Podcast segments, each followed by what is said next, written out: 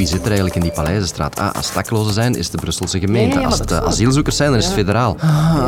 Dat is absoluut geen manier van werken. Waarom krijgen politici het dossier van de Paleizenstraat maar niet opgelost? In Turkije alleen al zijn meer dan 2800 gebouwen volledig verwoest. De ravage is enorm. Hoe bouw je een verwoeste stad weer op? Is dat zwaar? Ja, dat is heel zwaar. We willen gewoon zien, heeft die jongen de mentale kracht om door te blijven? En we kijken achter de schermen bij de Special Forces van de politie. Als het nu al te zwaar is, doe u een plezier, ga naar huis. Ik ben Lode Roels en we hebben samen één kwartier de tijd. Welkom.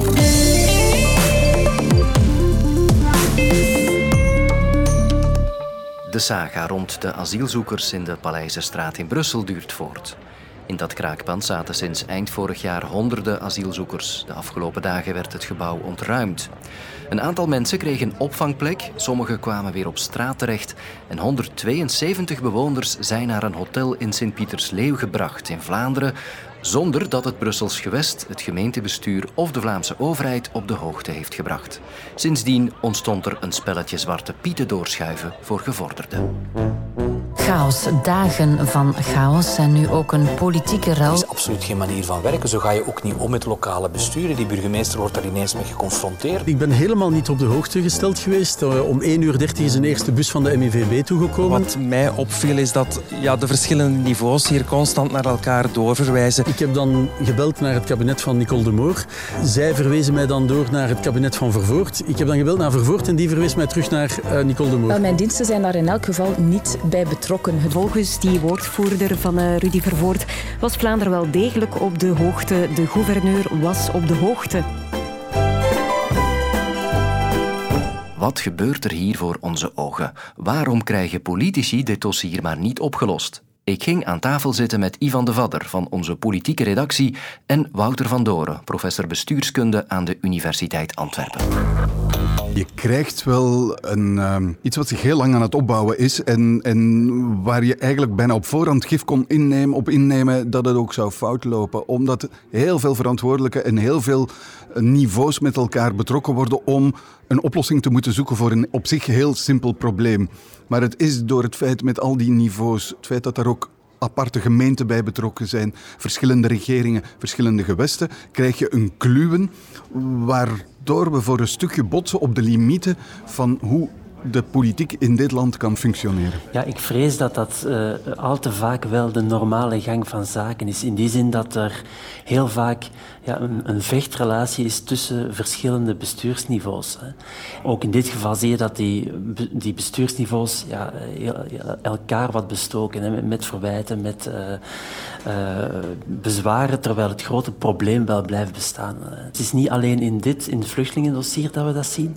Ik denk ook aan het energiebeleid, waar dat je toch een hele gespannen relatie zegt, eh, hebt tussen het federale en het Vlaamse niveau. Als het dan gaat over eh, de, de kerncentrales, die gascentrales, de transitie naar die duurzame economie. Maar ook eh, het mobiliteitsbeleid zijn andere voorbeelden, waar dat je enerzijds de federale NMBS hebt, het Vlaamse mobiliteitsbeleid, de lijn wegen en verkeer.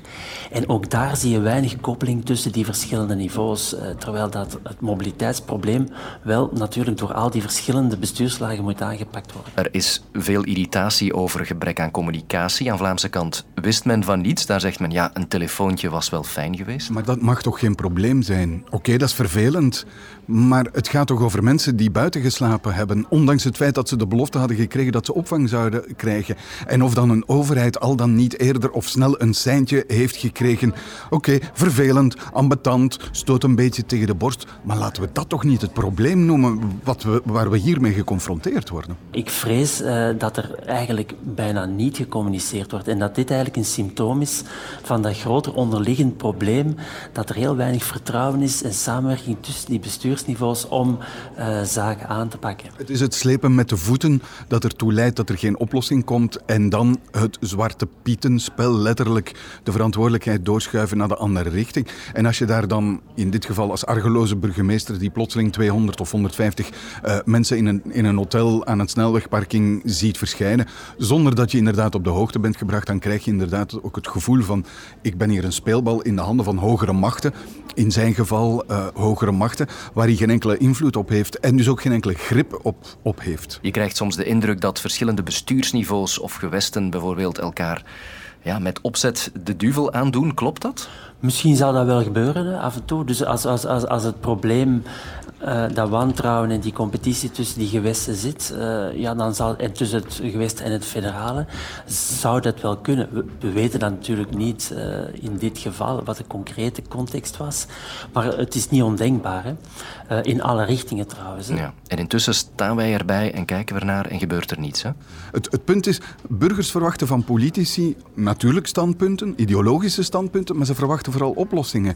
En oplossingen die ertoe leiden dat de problemen opgelost uh, worden. En dat betekent dat je dus overeen moet komen, samenwerken.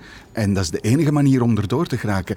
En het feit dat dat niet gebeurt, toont in mijn ogen aan de burger aan wat het mankement van de huidige politieke situatie is. Iedereen zijn eigen tunnelvisie, iedereen zijn eigen ideologie en niet meer de bereidheid om bruggen te bouwen tot aan de overkant. Het is een soort, misschien ook wel een soort politieke cultuur die gegroeid is doorheen de jaren om uh, die samenwerking niet op te zoeken. Hè. Uh, en, en, eerder de andere gewesten als competitie, uh, als, als, als bedreiging te zien, eerder dan een deel van de oplossing. Tien dagen geleden sloeg het noodlot toe in Syrië en Turkije. Die landen werden toen getroffen door een zware aardbeving. Grote Turkse steden zoals Diyarbakir en Gaziantep en ook Aleppo in Syrië werden getroffen. In Turkije alleen al zijn meer dan 2800 gebouwen volledig verwoest. De ravage is enorm. De kans om nu nog mensenleven terug te vinden is bijna onbestaand. En dus gaat een nieuwe fase in. De reddingsacties maken plaats voor puinruimen en daarna de wederopbouw. Maar hoe begin je daaraan? Hoe bouw je een verwoeste stad weer op? Ik vraag het aan Mark van den Brande. Bouwkundig ingenieur, uh, werkzaam voor Ingenieurs Zonder Grenzen, maar al een jaar of vijf op uh, pensioen. Hè. Wel 45 jaar in de bouwsector betrokken geweest, ja en architecte Lilith Breddels. Goedemiddag. Hoe begin je aan zo'n wederopbouw? Bij zulke een ravage, waar dat de stad moet worden opgebouwd of gedeeltelijk moet worden opgebouwd, zijn er twee dingen. Er is een technische benadering en er is een sociaal-maatschappelijke benadering. We moeten nadenken, hoe gaan we die stad heropbouwen? Gaan we die op dezelfde wijze heropbouwen of gaan we die een nieuw elan geven? En dan komt de technische benadering. Gaan wij die gebouwen restaureren of gaan we ze volledig slopen en heropbouwen? Maar dat hangt af van de toestand van dat gebouw. ik zou ervoor opteren als er een bepaalde wijk volledig vernietigd is, dat je die gewoon sloopt en dat je daar schoon, schoon van maakt. Dat kan ook, dat hangt van, van, van de stad, van de ambtenaren af. Wat doe je met het puin? Het hergebruik speelt een steeds grotere rol en is natuurlijk van groot belang om daar, uh, om daar op te letten gigantisch probleem. Dat is nog steeds wel met waar laat je het? Een voorbeeld in Beirut is dat dat uh, een beetje op het soort strand eigenlijk gelegd is aan, aan de zeekant. En een enorme dijk mee is gebouwd. Die er eigenlijk nog steeds ligt. Tegelijkertijd is er tegenwoordig heel veel mogelijk op het gebied van hergebruik van puin. Daar zijn machines voor die dat zo kunnen verkruimelen dat dat weer opnieuw gebruikt kan worden. De rubble machines, zeg maar, die, die het puin helemaal fijn vermalen, zijn machines die vaak mobiel zijn. Dus die kunnen zelfs ter plekke gewoon ingezet worden en gebruikt worden. En tegelijkertijd uh, zijn er op plaatsen die afgelegen zijn, zoals het gebied heel erg is. En ook uh, in Syrië is, is het heel veel in het noorden waar uh, kleine dorpen zijn. Uh, waar mensen het, het, zelf aan gaan pakken en zelf gaan doen. Iedereen herinnert zich waarschijnlijk wel de beelden van de stad Ypres na de Eerste Wereldoorlog. Hetzelfde geldt voor Rotterdam in de Tweede Wereldoorlog. Dus de binnenstad is volledig heropgebouwd zoals ze was. De rond is compleet nieuw geworden. Dus dat is een sociaal-maatschappelijke benadering die de Turken zelf moeten maken. Daar kunnen wij niet intussen komen. Ik zou willen benadrukken dat het van groot belang is om te proberen zoveel mogelijk de bevolking zelf erbij in te zetten. Ten eerste is dat iets wat mensen heel graag willen natuurlijk. Je wil graag kunnen handelen in zo'n situatie van totale onmacht. En ten tweede is, is die menskracht ook heel hard nodig. Welke uitdagingen en kansen ziet u? Er zijn mensen die kansen zien van heel veel geld maken in hele korte tijd en dan heel hard wegrennen.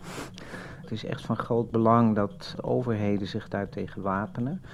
Kan ze op positief gebied, en dat is om na te denken over hoe bouw je het op, op op een duurzame wijze en hoe zorg je daarvoor dat er ook gekeken wordt naar een soort inhaalslag op het gebied van duurzaamheid en aanzien van uh, energievoorziening. Dus het is wel degelijk zo dat een deel van het klimaatprobleem gecreëerd wordt uh, door de bouw. Maar aan de andere kant uh, daar ook een heel groot deel van de oplossing in ziet. En als je al die denkkracht samenbundelt, dan kan je daar enorme stappen in maken om veel duurzamer terug te bouwen. Allez, come on, let's walk. Tot beneden, come on. Oh, de groep wacht, hè. Nee, dit is geen opname van een turnles in een middelbare school ergens in de jaren 80. Als je tempo niet volgt, dan volgt er een straf. Wat je hier hoort zijn de loodzware selectieproeven voor de DSU, de speciale eenheden van de federale politie. Descends, ou arrête! Je bent nog maar een uur bezig. Het is nog hele week. Als het nu al te zwaar is, doe je een plezier. Ga naar huis. Ik ken die speciale eenheden nog van de dag in 2016 toen mannen met zwarte bivakmutsen in Molenbeek terreurverdachte Salah Abdeslam oppakten. Maar wat doen ze voor de rest? Geen idee eigenlijk. En dus vroeg ik directeur Roland Pacolet van de DSU om het mij uit te leggen. Wij hebben dus de verschillende eenheden, de interventie-eenheden, het meest gekende ook. Maar daarnaast zijn er heel wat eh, diensten, zoals observatie-eenheden, mensen belast met technische operaties, het undercover-team. Deze mensen vormen de speciale eenheden van de federale politie. Ik denk met enige fierheid dat we kunnen zeggen dat de DSU de top is van eh, de gespecialiseerde politiesteun hier in België. Het is een deel van de politie dat in de schaduw opereert en dat doorgaans de lippen stijf op elkaar houdt. Maar nu krijgen we voor het eerst een inkijk in die mysterieuze wereld. Want binnenkort start op één de nieuwe serie Onder de Radar. En dat is geen fictie, maar een docuserie die vandaag is voorgesteld, waarin de makers de speciale eenheden volgen en interviewen. Dat was heel de tijd een beetje dansen op een slappe koord en een evenwicht zoeken tussen voldoende kunnen weggeven en voldoende het publiek kunnen informeren en tegelijkertijd hun werking in de toekomst niet te hypothekeren. Uiteindelijk staat of valt dat met vertrouwen. Hè. Dit is Stefan Ledegang van het productiehuis Geronimo. Hij is eindredacteur van het programma en kwam dus voor enkele pittige uitdagingen te staan. Als je gaat vertellen dat je een docu-serie maakt over de speciale eenheden, dan gaan er bij iedereen heel veel alarmbellen af. Die mensen moeten anoniem blijven. Die moeten bijvoorbeeld observaties uitvoeren, dus die kunnen niet met hun gezicht op tv komen. Die werken in gerechtelijke onderzoeken, dus het geheim van het onderzoek moet altijd gevrijwaard worden. En die gebruiken dan ook nog eens geheime technieken, waarvan dat de overheid en het parket en zo natuurlijk ook niet wilden dat die zomaar op de straatstenen belanden. Dus dat was heel moeilijk en het heeft heel lang geduurd, echt meer dan een half jaar, om alle toelatingen rond te krijgen. Het was de eerste keer dat ze dat lieten filmen, die testweken. Ja, dat zijn allemaal gewoon heel veel afspraken die op voorhand goed worden gemaakt. Als zij ons niet vertrouwen, dan kunnen wij ons werk niet doen. Zij weten dat ze alle beelden op voorhand gaan kunnen bekijken, dat er niks naar buiten komt zonder uh, dat het door hen bekeken is. En dan geven ze ons eigenlijk gewoon de toelating om daar rond te lopen. En wij kunnen natuurlijk wel hun gezichten zien, wij weten wel wie dat die mensen zijn, maar dat is gewoon in alle vertrouwen dat we hen nadien weer volledig onherkenbaar gaan maken. Ja, en ik heb vandaag ook al een stukje van het programma gezien en moest soms toch ook even wegkijken, want het gaat er hard aan toe bij die recruteringen. Jongen, jongen, jongen. Zit een impressie van een escargot aan toen of wat? Het deed me ook wat denken aan de ruwe sfeer bij de groep Dian, de speciale eenheid van de Rijkswacht die we in de fictiereeks 1985 te zien krijgen. On n'est pas chez Mémé ici, on est chez Diane. Allez, pousse, qu'est-ce que t'as dans les bras? T'as rien dans les bras. Maar volgens de makers en de directeur is er heel wat veranderd sindsdien. Het is heel hard, hè? Als je daar zelf tussen rondloopt en ook als je de beelden achteraf opnieuw bekijkt, dan stel je zeker af en toe de vraag: moet dat nog op die manier? Moet dat nog zo hard? Moet dat nog zo zo destructief bijna, zou ik, zou ik durven zeggen. En door het zien van 1985 zouden kunnen, kunnen denken dat dat een soort van ongecontroleerd zootje is, wat een tegendeel is waar natuurlijk. Als je de situatie van vandaag kijkt, tegen de situatie van 40 jaar geleden, dat is ja, dus wel een, een wereld van verschil. Ook de mentaliteit is, is totaal anders. Het zijn dus politiemensen die opgeleid worden om te werken in een zeer strikt kader. Eh, de controle op onze mensen is dermate groot dat er toch wel heel wat garanties uh, aanwezig zijn.